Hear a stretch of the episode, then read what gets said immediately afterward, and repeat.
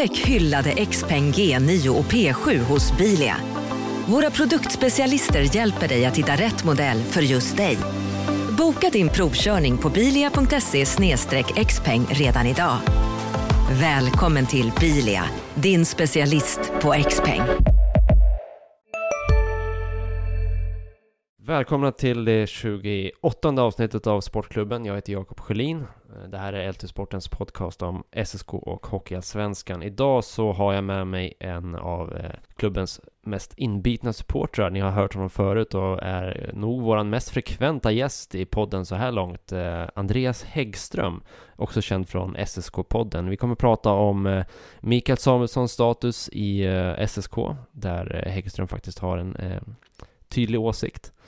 Vi kommer prata om eh, supporterkulturen och eh, publikkrisen som man får säga det är i Scania-rinken. Om eh, det senaste nyförvärvet i Nikola Pasic och vad det faktiskt skulle betyda om Linus Widell och Dragan Umicevic återvänder till klubben. Nu rullar vi in.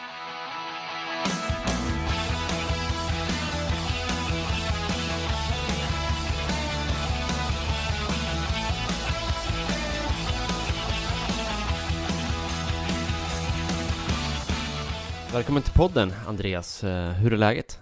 Det är bra. Eh, jag har roddat min flytt i en veckas tid. Eh, samtidigt som jag försökt hantera situationen med SSK. Så det har varit lite mental härdsmälta. Men jag är vid liv.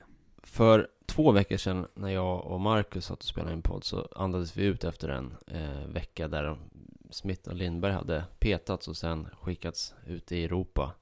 Eh, och tyckte att det var en svettig vecka. Och sen så förra veckan så blev det jag vet inte, nästan ännu ja. rörigare. Ja, det var nog det värsta jag varit med om, ärligt talat. Jag var ju iväg till Västervik på bortaresa och vi satt i bilen dit och liksom skämtade om att bortaresorna till Småland är det absolut värsta. För man har åkt de där vägarna så många gånger, man har stannat på alla ställen varje gång. Och det är ofta man åker hem med förlust. Typ Oskarshamn borta förut, eller Västervik. Är svåra lag på bortaplan. Men vi satt i bilen och tänkte att men nu, tänker bara få åka hem och vara glad. Och ja, så small det direkt, 1-0 och tillbringade hela tredje perioden i baren för att det var liksom outhärdligt. Ni gav upp helt enkelt? Ja, ja, gud ja. Det kan man förstå. Eh, vi åkte hem i förtid också, innan slutsignalen, och det är ju sällan man gör det. Så det var nog det värsta jag varit med om i borta matchväg. Hur var det att se det där på plats? Pinsamt, det kändes förnedrande och eh, det är nästan så att liksom barpersonalen led med en. Jag väntade bara på att vi liksom skulle få gratis öl. Det var på den nivån. Man såg att de liksom eh, kände med oss.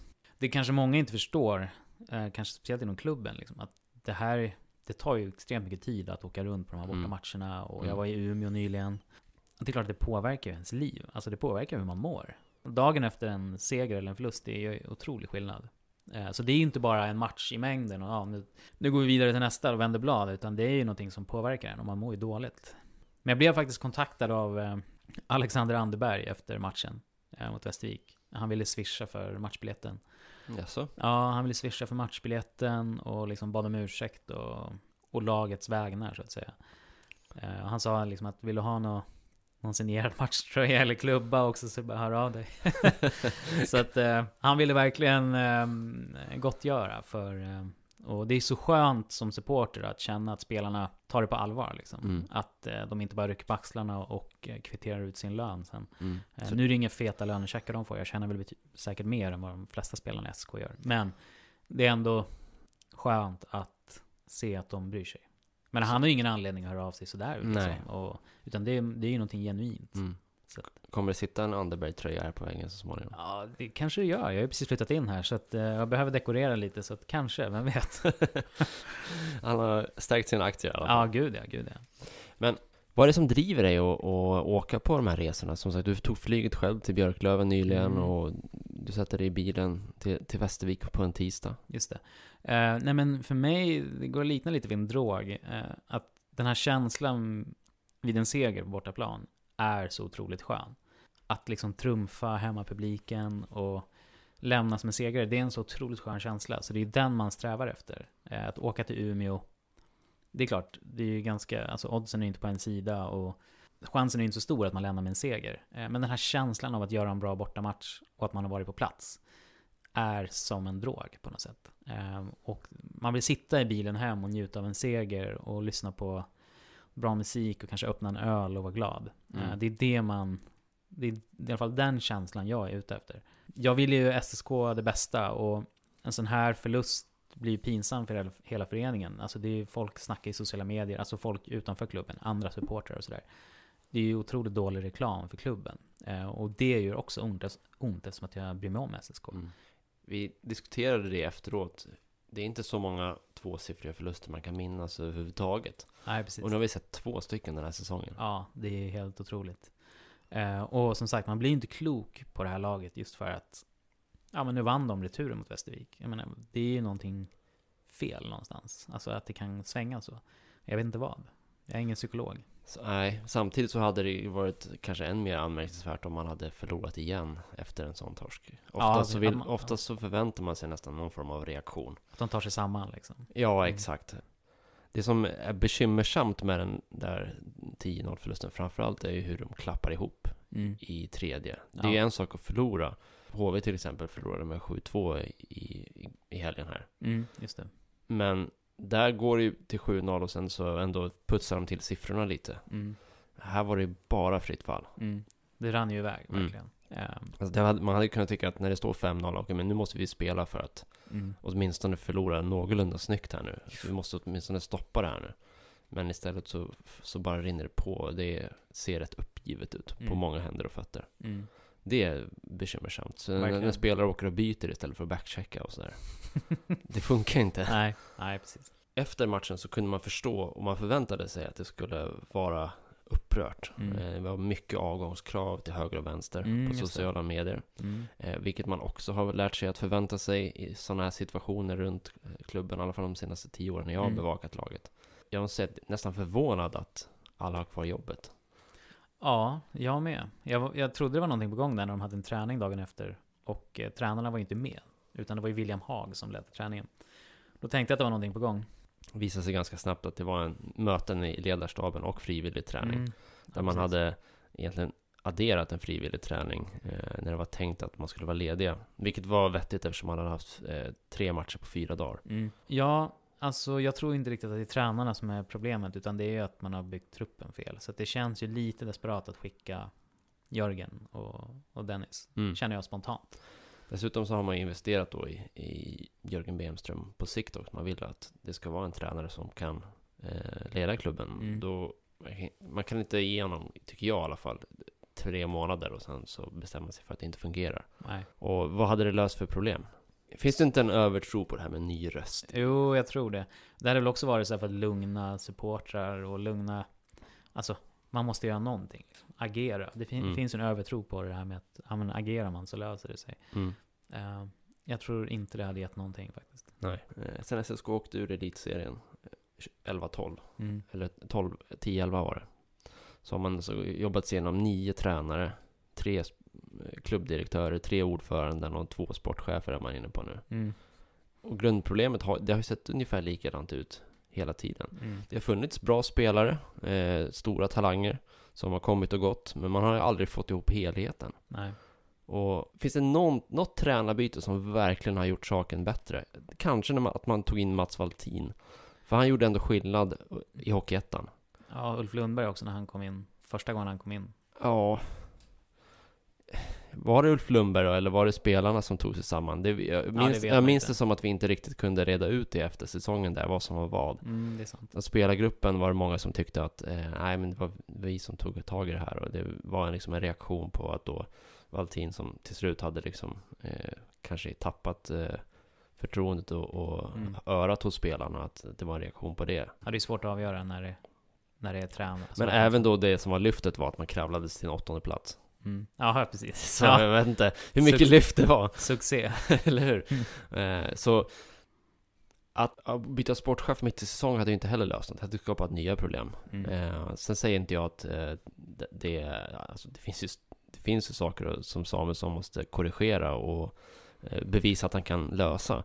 Men man skapar sig ännu fler problem eh, om man börjar sparka folk mitt i säsong. Dels så ska man, då ska man lägga kraft på, inte bara kanske förbättra laget, utan då ska man lägga kraft på rekrytera ny personal. Mm. Finns det ny personal tillgänglig och så Här vidare? vet jag inte om jag håller med dig riktigt. Jag tänker så här, om det är någon som ska gå, Mm, så är det Samuelsson. För att jag menar, arbetet med nästa säsong pågår ju fortfarande. mm, Eh, och för mig, mitt förtroende för honom är ju på botten verkligen. Jag har Mm. alltid gillat honom att han är så transparent. Han är väldigt tydlig i media och så här att han har en spelare gjort det bra så får de höra det. Har en spelare gjort det mindre bra så får de också höra det. Han är väldigt transparent på så vis. Och så här, det gillar jag, den här öppenheten. Men hans förmåga att hitta spelare har väl varit väldigt bristfällig hittills. Och ska han, det gör mig orolig att han ska liksom inleda arbetet med nästa säsong när han inte ens, ja, nej men alltså han har ju inte prickat rätt någonting i år, mer eller mindre. Så du känner dig färdig med Samuelsson? Ja, men det gör jag. Och det är trist, för att han har egenskaper som jag gillar. Den här transparensen och det. Men det hjälper inte oss på isen liksom. Att SSK nu då skickar signaler om att man vill förändra eh, organisationen och ta in ytterligare personal som jobbar med just rekrytering. Hur ser du på det? Ja, men det känns som att vi ska ge Samuelsson stödhjul. Eh, och jag vet inte, alltså det var väl något i någon artikel de sa, Micke Samuelsson sa att han behöver hjälp. Bara det är väl liksom ett röd, röd flagg, att han behöver hjälp i sitt rekryteringsarbete. Är inte det sunt då? Att inte ta på sig allt och tycka, in, så inse Mm. att eh, man inte räcker till det man gör. Jo, men hur ser det ut i alla- andra lag? Det är inte så att vi, de har anställda scouter som ska assistera sportchefen, utan det funkar ju bra ändå. Jag vet inte, det känns som en... eh, Ja, det känns som ett stödhjul åt Samuelsson för att han ska kunna göra sitt jobb. Men då kanske inte han är rätt man för jobbet. Sen är det ju så uppenbart att eh, det lagbygget som han har satt ihop jämfört med, med de man tävlar mot, det räcker ju inte till. Nej, så är det. Eh, och besluten som, som han tog har inte bli, fallit ut väl. Nej. Nej, det har inte blivit en, alltså det är ingenting som har blivit rätt gällande ambitionen med truppen. Eh, alltså den ambitionen som fanns, hur vi skulle agera på isen och hur matchbilderna skulle se ut, det har inte infriats överhuvudtaget. Mm. Så att eh, mitt förtroende är på botten, Mm. helt klart. Men, ny värvning idag. Eh, Så komma till det. Ja. Nikola Pasic från LHC, mm, klar. känns potentiellt som det är en av de mest spännande värvningar han har gjort. Eh, jag tror verkligen på den. Och jag har sett också reaktioner i sociala medier, så här, alltså från an- supportrar från andra lag. Många hade velat se honom i sitt lag. Jag såg Karlskoga-supportrar som sa att de gärna hade sett honom tillbaka där. Eh, så det är en värvning jag verkligen tror på. Det känns som en... eh, att han verkligen kan komma loss i SSK. Det är ju en kille som kommer snitta mycket speltid tror jag. Mm. Så det är, lite, det är lite vibrationer på EKG när det kommer till din, Ja, ja, ditt förtroende för Samuelsson. Ja, precis. Han lever fortfarande. Alltså, han andas knappt. Man får liksom sätta örat mot munnen. Eh, Men absolut, han lever. Men vad tror du att Pasic kan göra? Det var ju en eh, väldigt eh, sevärd spelare i, i BIK Karlskoga för två säsonger sedan Mm. eh, i Hockeysvenskan. Teknisk och kreativ, eh, väldigt eh, ja, men, eh, skicklig powerplay, minns jag det som. Mm. Ja, han kommer ju spela PP i SK. Sen också, man får inte glömma, han hade ändå en hyfsad säsong. Första säsongen i SHL, han gjorde väl 7 plus 8 eller någonting. Mm. Eh, I en ganska undanskymd roll. Så att, men sen har det gått sämre i år. Han har väl 0 poäng på 13 matcher eller någonting. Mm. Eh, Jag, har, jag vet inte hur det sett ut med speltiden. Men det känns som en kille som kanske behöver göra ett omtag i Hockeyallsvenskan och mm, smälla in en 30-40 poäng. Och nu har han skrivit kontrakt också över nästa säsong. Precis. Att, eh, det tror jag är vik- viktigt. Vad tror du han kommer spela? Eh, Pasic? ja. Ja, jag vet inte. Han är ju både, han står ju listad som både center och ytter så att... eh, SSK vad jag förstår tänker honom som en ytter och det var där Mm. han spelade i Karlskoga framförallt. mm. Ja, men då blir det väl så. Så vi får nog se honom på en vinge. Mm. Kanske med eh, nye Marcy nu. Just det. Ja, det hade ju varit något. Mm. Eh, eller om man ska spela med Brett Pollock kanske. Mm. Jag tycker den kedjan behöver splittras på nu. Det, Mm. det är dags. Det börjar, ja, det börjar gå, gå lite på tomgång där. Fem matcher utan poäng. Mm. Eh, förmodligen lagets sämsta kedja senaste fem Mm. omgångarna. Eh, massa skott emot, massa chanser emot. Mm. Det klickar inte. Nej, men jag tänker att Pasic, alltså han gjorde väldigt mycket assist i Karlskoga. Mm, Så att det känns som att han kanske kan få igång någon av de här målgörarna. absolut. Ja, det blir spännande att se honom i alla fall. Men bara för att återkoppla till det här med Samuelsson och, Mm. och hans vara eller inte vara. Eh, hur mycket tålamod ska man ha med en sportchef? För det måste ju ändå vara lite längre linjer eh, Mm. alltså i klubbledningen. Oftast är det väl så här, som det är som ett, ett lager. Först spelarna, kortast, kortast tålamod. Mm. tränarna därefter. Det är Mm. oftast, ja, när man har bytt spelare till många gånger, då ryker tränarna. Mm. Sen om man har bytt tränare någon gång eller två, då ryker sportchefen. Och när man bytt två sportchefer så ryker styrelsen. Ja, just det. Typ. Mm. Mm. Alltså det finns någon slags sån Mm. trappa. Mm. Hur mycket tålamod ska man ha med en sportchef? Vi har ju trots allt nu ett läge där han, är, han är ny på jobbet, Samuelsson. Han har inte Mm. va- gjort det här länge. Kunde man räkna med att det skulle gå fläckfritt från början? Förmodligen inte egentligen om man är realistisk. Nej. Det, är, det är samma nu Mm. också. Vi har ny, SK har en ny klubbdirektör. Mm. Inte ny i, i yrket, men ny i branschen. Eh, SSK har en eh, relativt oerfarna hu- huvudtränare. Det, är, Mm. det är mycket nytt överallt och Ja, det känns som att Micke Samuelsson inte har så bra koll på svensk ishockey och kanske hockey. Jag tror att han har underskattat hockeyallsvenskan eh, en del. Och jag menar, bara det att han... Jag läste, om det var igår eller häromdagen, att SSK försökt lösa någon forward från Karlskrona. Alltså varför han är nere i Hockeyettan och letar förstärkning. Ja, det är väl för att det är billigt, men det känns bara som att han underskattar hockeyallsvenskan och vad som krävs. Eh, och jag känner väl att, ja men när han plockade in, eh, jag har glömt namnet på honom till och med, den här kanadensaren förra säsongen. Sam Bitten. Sam Bitten liksom. Han spelar i tjeckiska andra ligan nu. Alltså den typen av värld. Det känns som att han inte har koll liksom, på Hockeyallsvenskan. Jag tror att han har underskattat den serien. Mm. Så därför, jag är rädd att han ska bygga det här laget inför nästa säsong. Eh, jag, I det här läget tror jag nästan jag är beredd att hoppa över det här tränarsteget i den här trappan som du nämnde. Just för att det är så tydligt att det är laget som är felbyggt. Liksom, jag tror inte tränarna kan göra så mycket. Absolut, det finns ett par spelare i den här truppen som kanske skulle behöva lämna redan nu. Men näst på tur för mig står ju Samuelsson. Du tror inte på att det är rätt väg längre för SSK? Nej, jag tror inte det. Det låter hårt, jag vet. Eh, och jag som sagt, det finns mycket med honom jag gillar. Han har egenskaper som tidigare sportchefer och personer i motsvarande position har saknat. Den här transparensen och öppenheten och ärligheten. Men rekryteringen är ju hittills under all kritik. Mm, det är den. Och bara tanken på att han ska bygga nästa lag, alltså det ger mig stressexem liksom. Mm. Jag kan förstå det, att man är, när, när så mycket av ens eh, välmående också hänger på hur nästa års Ah. lag blir. Precis, jag har mitt liv i någon annans händer. Jag står här på mina knän och ber. Jag som är lite mer utifrån kan känna att eh, jag är i alla fall beredd att ge honom en försäsong till. Mm. Eh, och, och revanschera sig, för nu har han fått det här var första truppen han byggde helt själv. Mm. Eh, och nu har han sett vad det ledde till och liksom utvärderat den här vägen att gå efter tunga, eh, stora spelare med lite mindre fart i truppen som helhet.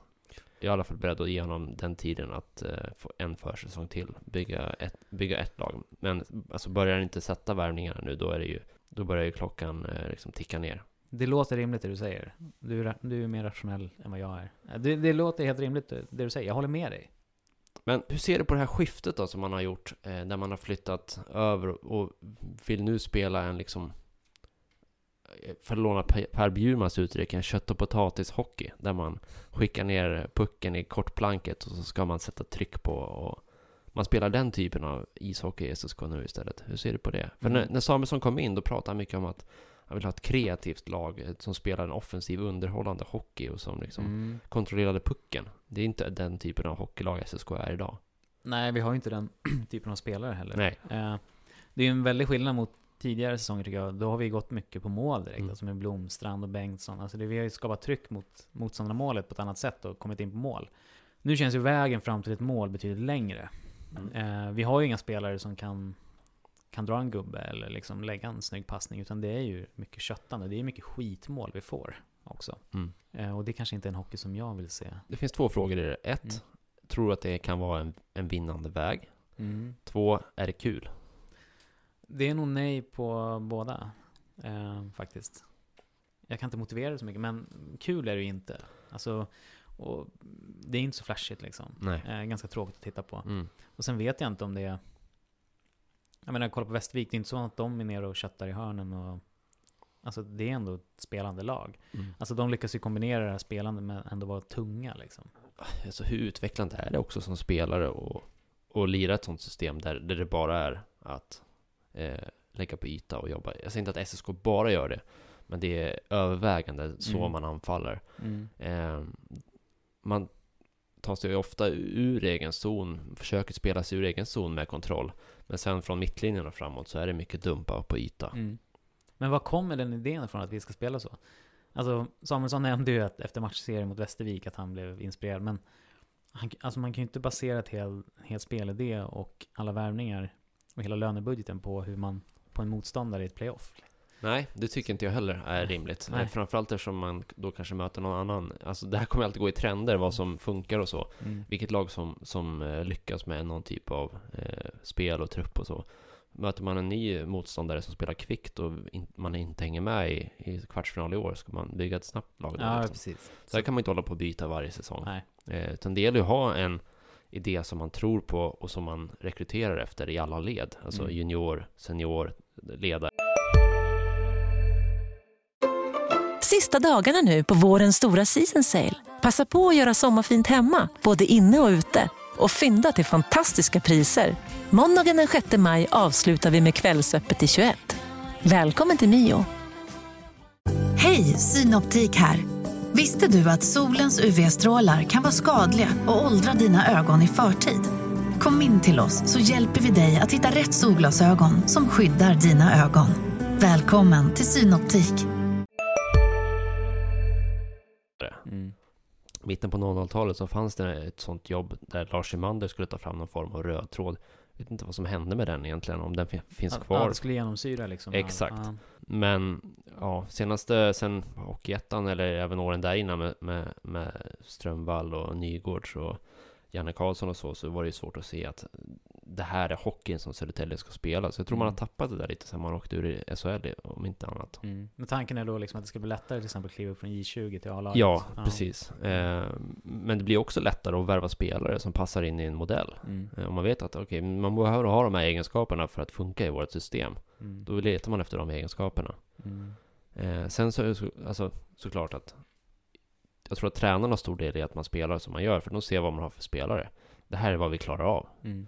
Eh, och har man inte spelare som kan ta in pucken med fart och skapa tid och rum, då måste man få ner den djupt och låta motståndarna vända ryggen till och försöka Mm. liksom, eh, ta det därifrån. Men hur involverade har tränarna varit när det gäller... Alltså det kan ju inte vara Samuelsson som tar fram en spelidé. Det låter ju helt sjukt. Nej, de hade ju möten inför säsong där de liksom tillsammans eh, jobbade på de, hur de skulle spela. Mm. Eh, så det är, det är ju en, en, ett lagarbete. Mm. Eh, och sen så gjordes det en del justeringar, och- men grunden var ju samma liksom, idé som man hade i fjol. Så kom Bemström med lite nya idéer.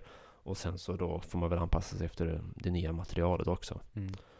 Men utifrån det vi har pratat om så känns det ändå som att, det här säger man ju varje år i och för sig, att det finns ju bättre förutsättningar inför nästa säsong när alla är med från början. Och Samuelsson har lite erfarenhet och lärdomar. Mm. Men jag skulle verkligen vilja se en tydligare idé. Kanske är värvningen av Pasic eh, lite tecken på att man ändå vill gå lite speedigare, lite Mm. kreativare. Det måste någonstans börja med, med back och centerplatserna. Liksom. Där, om du vill ha ett, ett lag som ska kunna driva spel, så måste du ha backar som kan se till att man tillbringar mer tid i anfallszonen, i defensiv zon. Mm. Centra som kan knyta ihop laget. Och där tycker jag att de största bristerna har varit i år. Jag skulle precis säga det, centersidan har ju känts svagare än på många, många, många Ja. år. Eh, och där har man bytt ut spelskicklighet och, och eh, liksom fått flytta upp spelare i kanske större roller än de klarar av. Mm. Eh, och på backsidan så såg vi förra säsongen hur viktigt och vilken skillnad en, en spelartyp som Bouchard gjorde. Mm. Jag säger inte att man hittar en sån eh, skicklighet i normalsäsongen här, Mm. men eh, det visar lite vad man saknar i år. Mm, verkligen. Det behöv, behöver backar som kan sätta pucken på bladet och som gör att man kommer eh, kvickare ur, ur egen zon. Mm. Ofta så, så hör man det här att vi behöver en, eh, en klassmålvakt. Och jag tycker att man behöver en, en okej målvakt som inte gör eh, de här enkla misstagen och släpper in de lätta målen. Men om så länge man har en, en okej målvakt som tar det han ska ungefär, då kommer man rätt långt på det om man ser till att man har ändå mer tid i, i, med puck och i anfallszon än man har i försvarszon. Så jag, jag tycker att det är viktigare att lägga resurser på back och centerposition än vad det är på Mm. Jag håller målvaktssidan. inte med dig, för att Nej. jag skulle precis fråga dig, har vi någon okej målvakt? Jag, jag tycker att det är en lagbit som har försvunnit lite nu i diskussioner om Mm. nyförvärv, Mm. helt klart. Eh, Man kan absolut diskutera Mm. om, om det är någon som är okej, för att jag tycker att både Bergvik och Tolopilo släpper för många billiga mål. mm. Det är de här man vill få bort. Man behöver inte ha en som är seriens absolut bästa målvakt. Du behöver ha en som är bra och som inte ger motståndet några billiga mål. Mm. Men du behöver inte ha någon som är liksom 5 plus. Du kan Nej. räcka med Mm. 4 plus målvakt. Mm, jag skulle nog säga att Tolopilo är ett eller två plus. Ja. Eh, Jag, jag dömde ut honom redan på försäsongen. Jag, var, jag tycker att han saknar så mycket i grunderna i målvaktsspelet. Han ser väldigt oslipad ut och han använder inte sin storlek överhuvudtaget. Utan han kryper ner ganska mycket och det är, alla, de flesta målen är ju liksom höga puckar. Jag har haft otroligt, otroligt svårt för honom. Mm. Och jag gissade inför säsongen att han kommer borta innan december. Eller i december. Nu kommer jag väl säkert få fel, men jag känner att vi måste få in en till målvakt. Problemet där är ju också att eh, Varför chansar man ens på målvaktssidan? Det är ju, han var ju en chansning. det var det. verkligen. Ja, eh, absolut. En, en riktig För gamble. Bergvik är ju ingen given etta liksom. Nej, för det är ju det också att man, en del i gamblen är ju att man också räknar med att Bergvik ska ta nya kliv. Eh, Mm. och jag tror att det var det kanske som drev på det mest, att man hade väldigt hög tro på, på Fredrik Bergvik. Mm. Och han har inte riktigt, eller inte riktigt, han har inte alls lyckats infria det än. Eh, utan ser ut som en lite varannandags målvakt fortfarande. Det, det räcker ju inte. Man behöver någon som är stabil Mm. hela tiden. Han behöver någon... Hade Bergvik kunnat vara, ge SSK 40 stabila matcher, då hade man kunnat leva med att Olopilo svajade runt i 12 Mm. Ja. på ett annat sätt än man kan nu. För nu står de lite varannan match och det, Mm. du vet inte riktigt vad du får i prestation. Nej, tyvärr. Eh, och det gör ju också att risktagandet med, med eh, värva en okänd målvakt från Belarus inte Mm. ser så bra ut nu. Mm. Hade Bergvik spelat på en annan nivå så hade det inte gjort så mycket. Nej, precis. Det. Eh, vad hoppas du på att få ut av den här säsongen? Eh, alltså just nu är det ju bara att undvika negativt kval. Mm. Det är ju på den nivå ribban har sjunkit för min del. Eh, Jag tippade inte oss så högt inför säsongen. Jag tippade oss åtta eller någonting tror jag. Ehm, nej, undvika kval. Tyvärr. Det låter jättesorgligt. Jag har tänkt på det där också. Ändå hur man anpassar sig efter målsättningen. Jag tänker så här när jag åker borta matcher och sådär. Man tänker ju att suget för att åka borta matcher ska minska um, ju sämre det går. Men så är det faktiskt inte. Alltså det är ändå så här, ja men nu är målsättningen att undvika negativt kval. Liksom. Då blir ändå match, matcherna ändå viktiga, oavsett uh, hur det ser ut. Eh, så för mig nu handlar det om att undvika kval, och då kommer jag fortfarande vilja åka bortamatch för det är ju viktiga matcher liksom. Är det skillnad att gå på hemmamatcher? Ja, det är det nog. Ja, men det är det absolut. Eh, det blir, jag kan inte förklara varför riktigt. Du går hellre på en bortamatch? Jag gör det. Jag vet inte, det känns viktigare på något sätt. Ehm, jag vet inte. Alltså, men jag kan inte riktigt sätta ord på det, men det är liksom... Mitt sug för hockeyn minskar nog inte för att det går som det går. Mm. För att det finns ju, alltså... Målsättningen nu för mig är att undvika negativt kval. Så att det är fortfarande lika viktigt utifrån den nya målsättningen som jag har. Mm. Svårt att förklara, men... ehm, Du verkar vara ändå lite ensam om det, att inte känna ett minskat hockeysug. Eh, mm, Vi såg att det var knappt 2000 personer på Västervik hemma i fredags. mm, måste vara betydligt färre. Ja, det här var alltså då eh, betalande åskådare och då Mm. brukar man ju då räkna in eh, även sålda säsongskort och det är väldigt tveksamt om alla med säsongskort var där. Mm. Du var inte där. Nej, eller? jag var inte. Hur ser du på det som händer nu eh, Mm. i Scania-rinken? Alltså det är väl ganska, alltså det finns ju ändå olika kategorier av supportrar. Eh, de som reser på bortamatcher och så, de kommer nog inte sluta göra det. De kommer inte sluta gå på hockey. Men sen finns det ju de här, jag vill inte säga dussin supportrar, men alltså de som går och kollar på hockey för att det är kul och de vill stötta SSK. Det är klart att de tröttnar att man inleder varje match med att ha 2-0 i baken efter fem minuter. Alltså det är inte en, om man kan prata om hockeyn som produkt, alltså det lockar ju inte. Jag förstår att folk inte vill lägga flera, flera hundra eller tusenlapp på att gå på hockey då.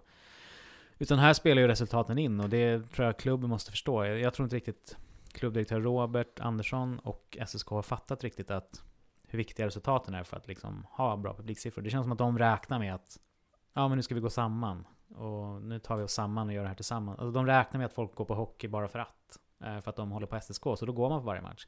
Men det är ju bara en liten klick som, som resonerar så. Eh, den här den bredare massan, de, där krävs det att vi vinner, det krävs att det är positiva rubriker om SSK. Det krävs att vi inte förlorar med 10-0 och 10-2 eller vad det var, 10-1. Där spelar resultaten in och vad vi värvar för spelare och hur det ser ut på isen.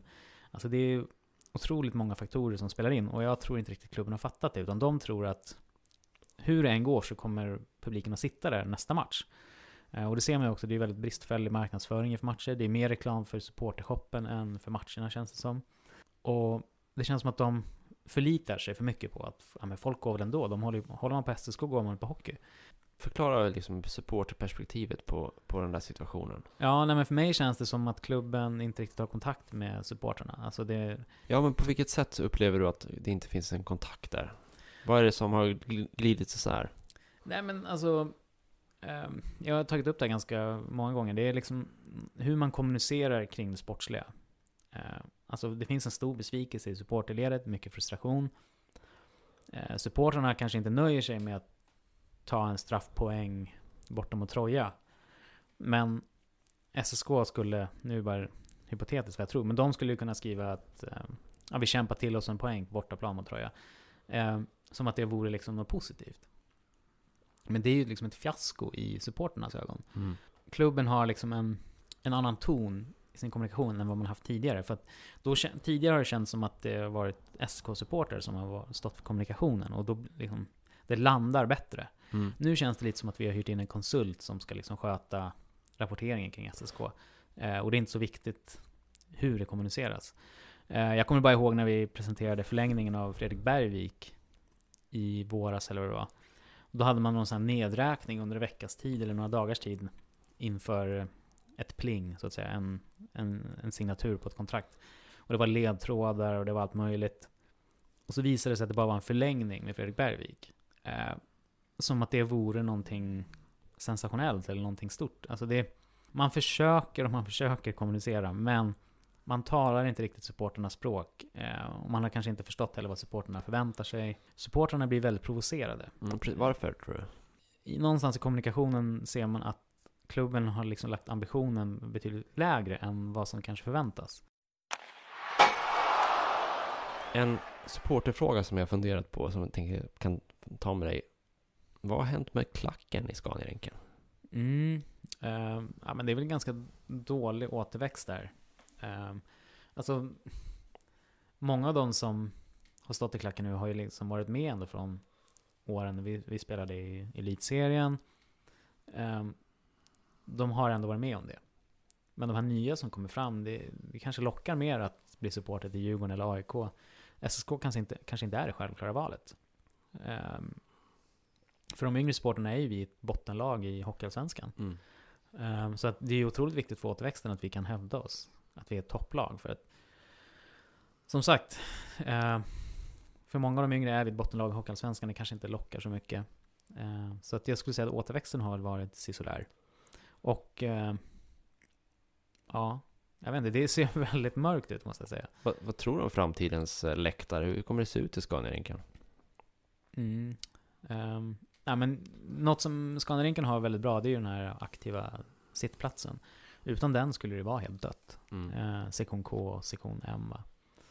Uh, så de bidrar ju väldigt mycket. Men just klacksektionen är ju ett mörker just nu. Vi har väl till och med halvat, uh, har väl spärrat av halva ståplats till och med. Och när vi mötte Mora här nyligen hemma, då var väl Mora-supportrarna nästan fler på bortastå än vad vi var på hemmastå. Mm. Sen vet jag inte hur mycket det spelar in med eh, supporterklubbens, eh, inte bojkott, men eh, de har väl lagt sin verksamhet på is. Så det är ju betydligt mindre sång nu mm. eh, i Scanarinken. Och jag vet inte hur många ur supporterklubben som är närvarande på matcherna på ståplats. Eh, om det är någon som tar stolen så att säga. Mm. Eh, jag har inte riktigt uppfattat det där. Men eh, nej, det ser väl inte superljust ut och återväxten är ju superviktig. Vad kan man göra för att bygga större intresse för inför framtiden? ja, vinna hockeymatcher. Ja. Eh, SSK ska ju bli ett lag som man vill hålla på, som man vill heja på. Och eh, alltså det är ju inte själv, alltså jag föddes in i en SSK-familj, eh, men det var ju liksom på 80-talet och början 90-talet. Det var ju självklart då. Mm. Eh, men jag tror inte att det är lika självklart för de som föds in i det idag. För att vi är ju inte ett bra lag. Eh, och vi har inte varit ett bra lag på väldigt, väldigt länge.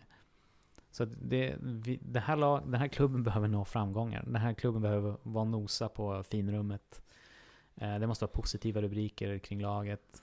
Och inte kaos och kris hela tiden som det är nu. Mm. Så det, man måste bli en attraktivare klubb att hålla på helt enkelt. För vi har ju ändå, jag menar föds man i Södertälje, man kan ju lika gärna börja hålla på AIK eller Djurgården. Närheten till Stockholm.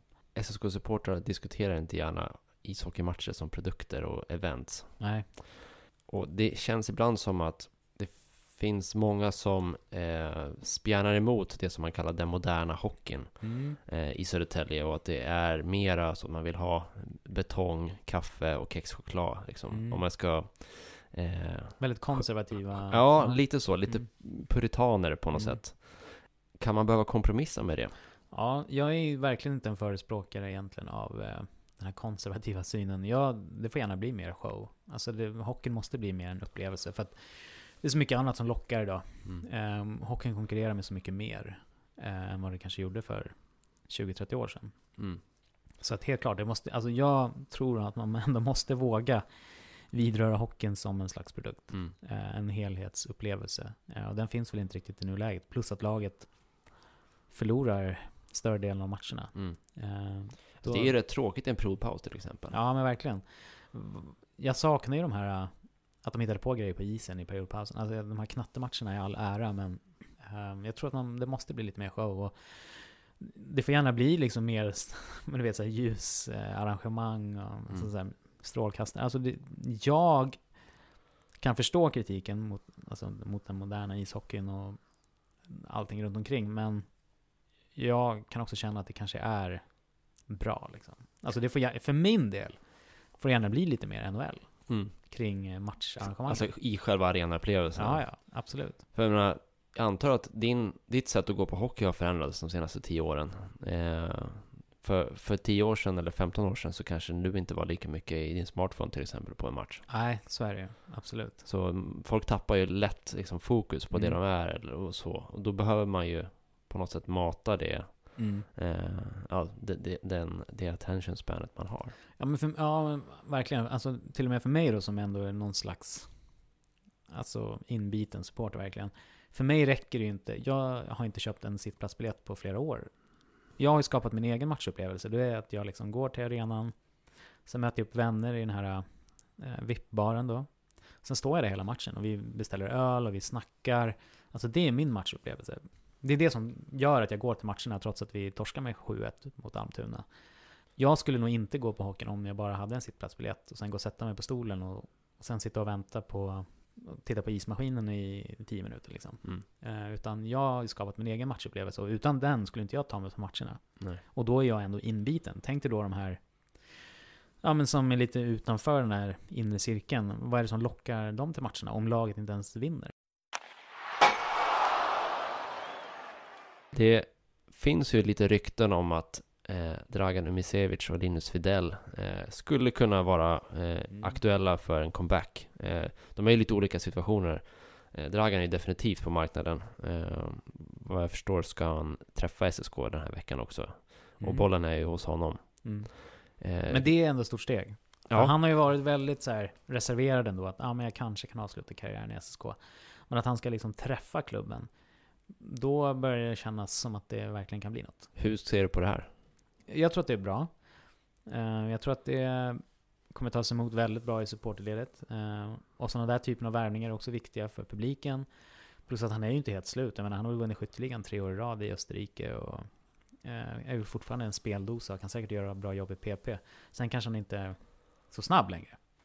Och Hockeyallsvenskan är en ganska snabb liga, men jag tror, jag tror att det kan bli bra. Umisevic och Pasic i samma kedja, så Ja. får Pasic skrinna runt. Precis, ja men precis. Jag tror det. Videll då? Vill du ha tillbaka honom? Ja, men det vill jag. Alltså jag pratade med Johan Myberg, min poddkollega på morgonen och han, alltså han skulle nog på egen hand kunna bidra till väldigt mycket att vi ens tar oss till eh, slutspel faktiskt.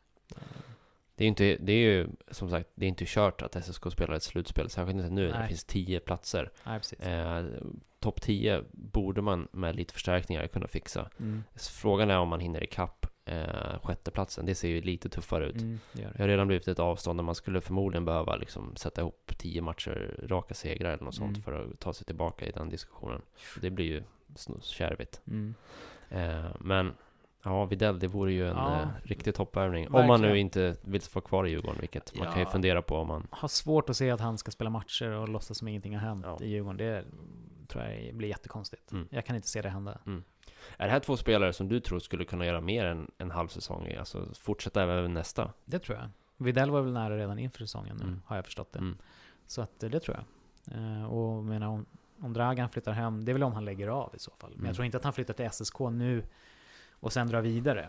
Eh, det tror jag inte är aktuellt. Utan för han har väl husen i kvarn och, Mm. Så det är väl antingen spela SSK nästa säsong, kanske beroende på hur det går nu under vintern också. Mm. Om han nu blir klar. Mm. Eh, jag tror inte han drar vidare utan då är det SSK som gäller. Och jag Mm. tänker Videll här nu, om han lämnar Djurgården.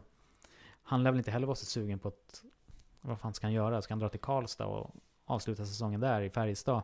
Alltså han lär väl vilja stanna kvar i regionen, i Mm. det området. Mm. Och då är det Ja. SK som gäller. Han flyttade ju hem av just den anledningen. Ja men precis, så han kommer inte dra ner och bo i Göteborg och spela i Frölunda resten av säsongen, utan det är väl SK som gäller. Alltså det är enda logiska. Mm. Det blir spännande att följa. Jag får tacka så mycket för att du kom hit. Ja, tack för att jag fick vara Vad med. roligt att ha dig i podden och eh, jag säger tack till er som har lyssnat och så är vi åter med eh, ett nytt avsnitt nästa vecka. Får vi se vad som har hänt med SSK-truppen då. Tack så länge. Hej! Hej.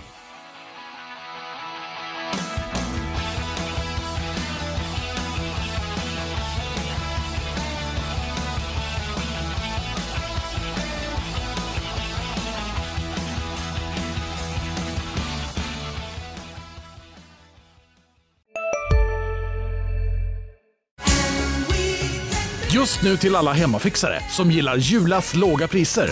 Ett borr och bitset i 70 delar för snurriga 249 kronor. Inget kan stoppa dig nu. Välkommen till Unionen. Jo, jag undrar hur många semesterdagar jag har som projektanställd och vad gör jag om jag inte får något semestertillägg? Påverkar det inkomstförsäkringen? För jag har blivit varslad, till skillnad från min kollega som ofta kör teknik på möten och dessutom har högre lön trots samma tjänst. Vad gör jag nu? Okej, vi tar det från början. Jobbigt på jobbet. Som medlem i Unionen kan du alltid prata med våra rådgivare.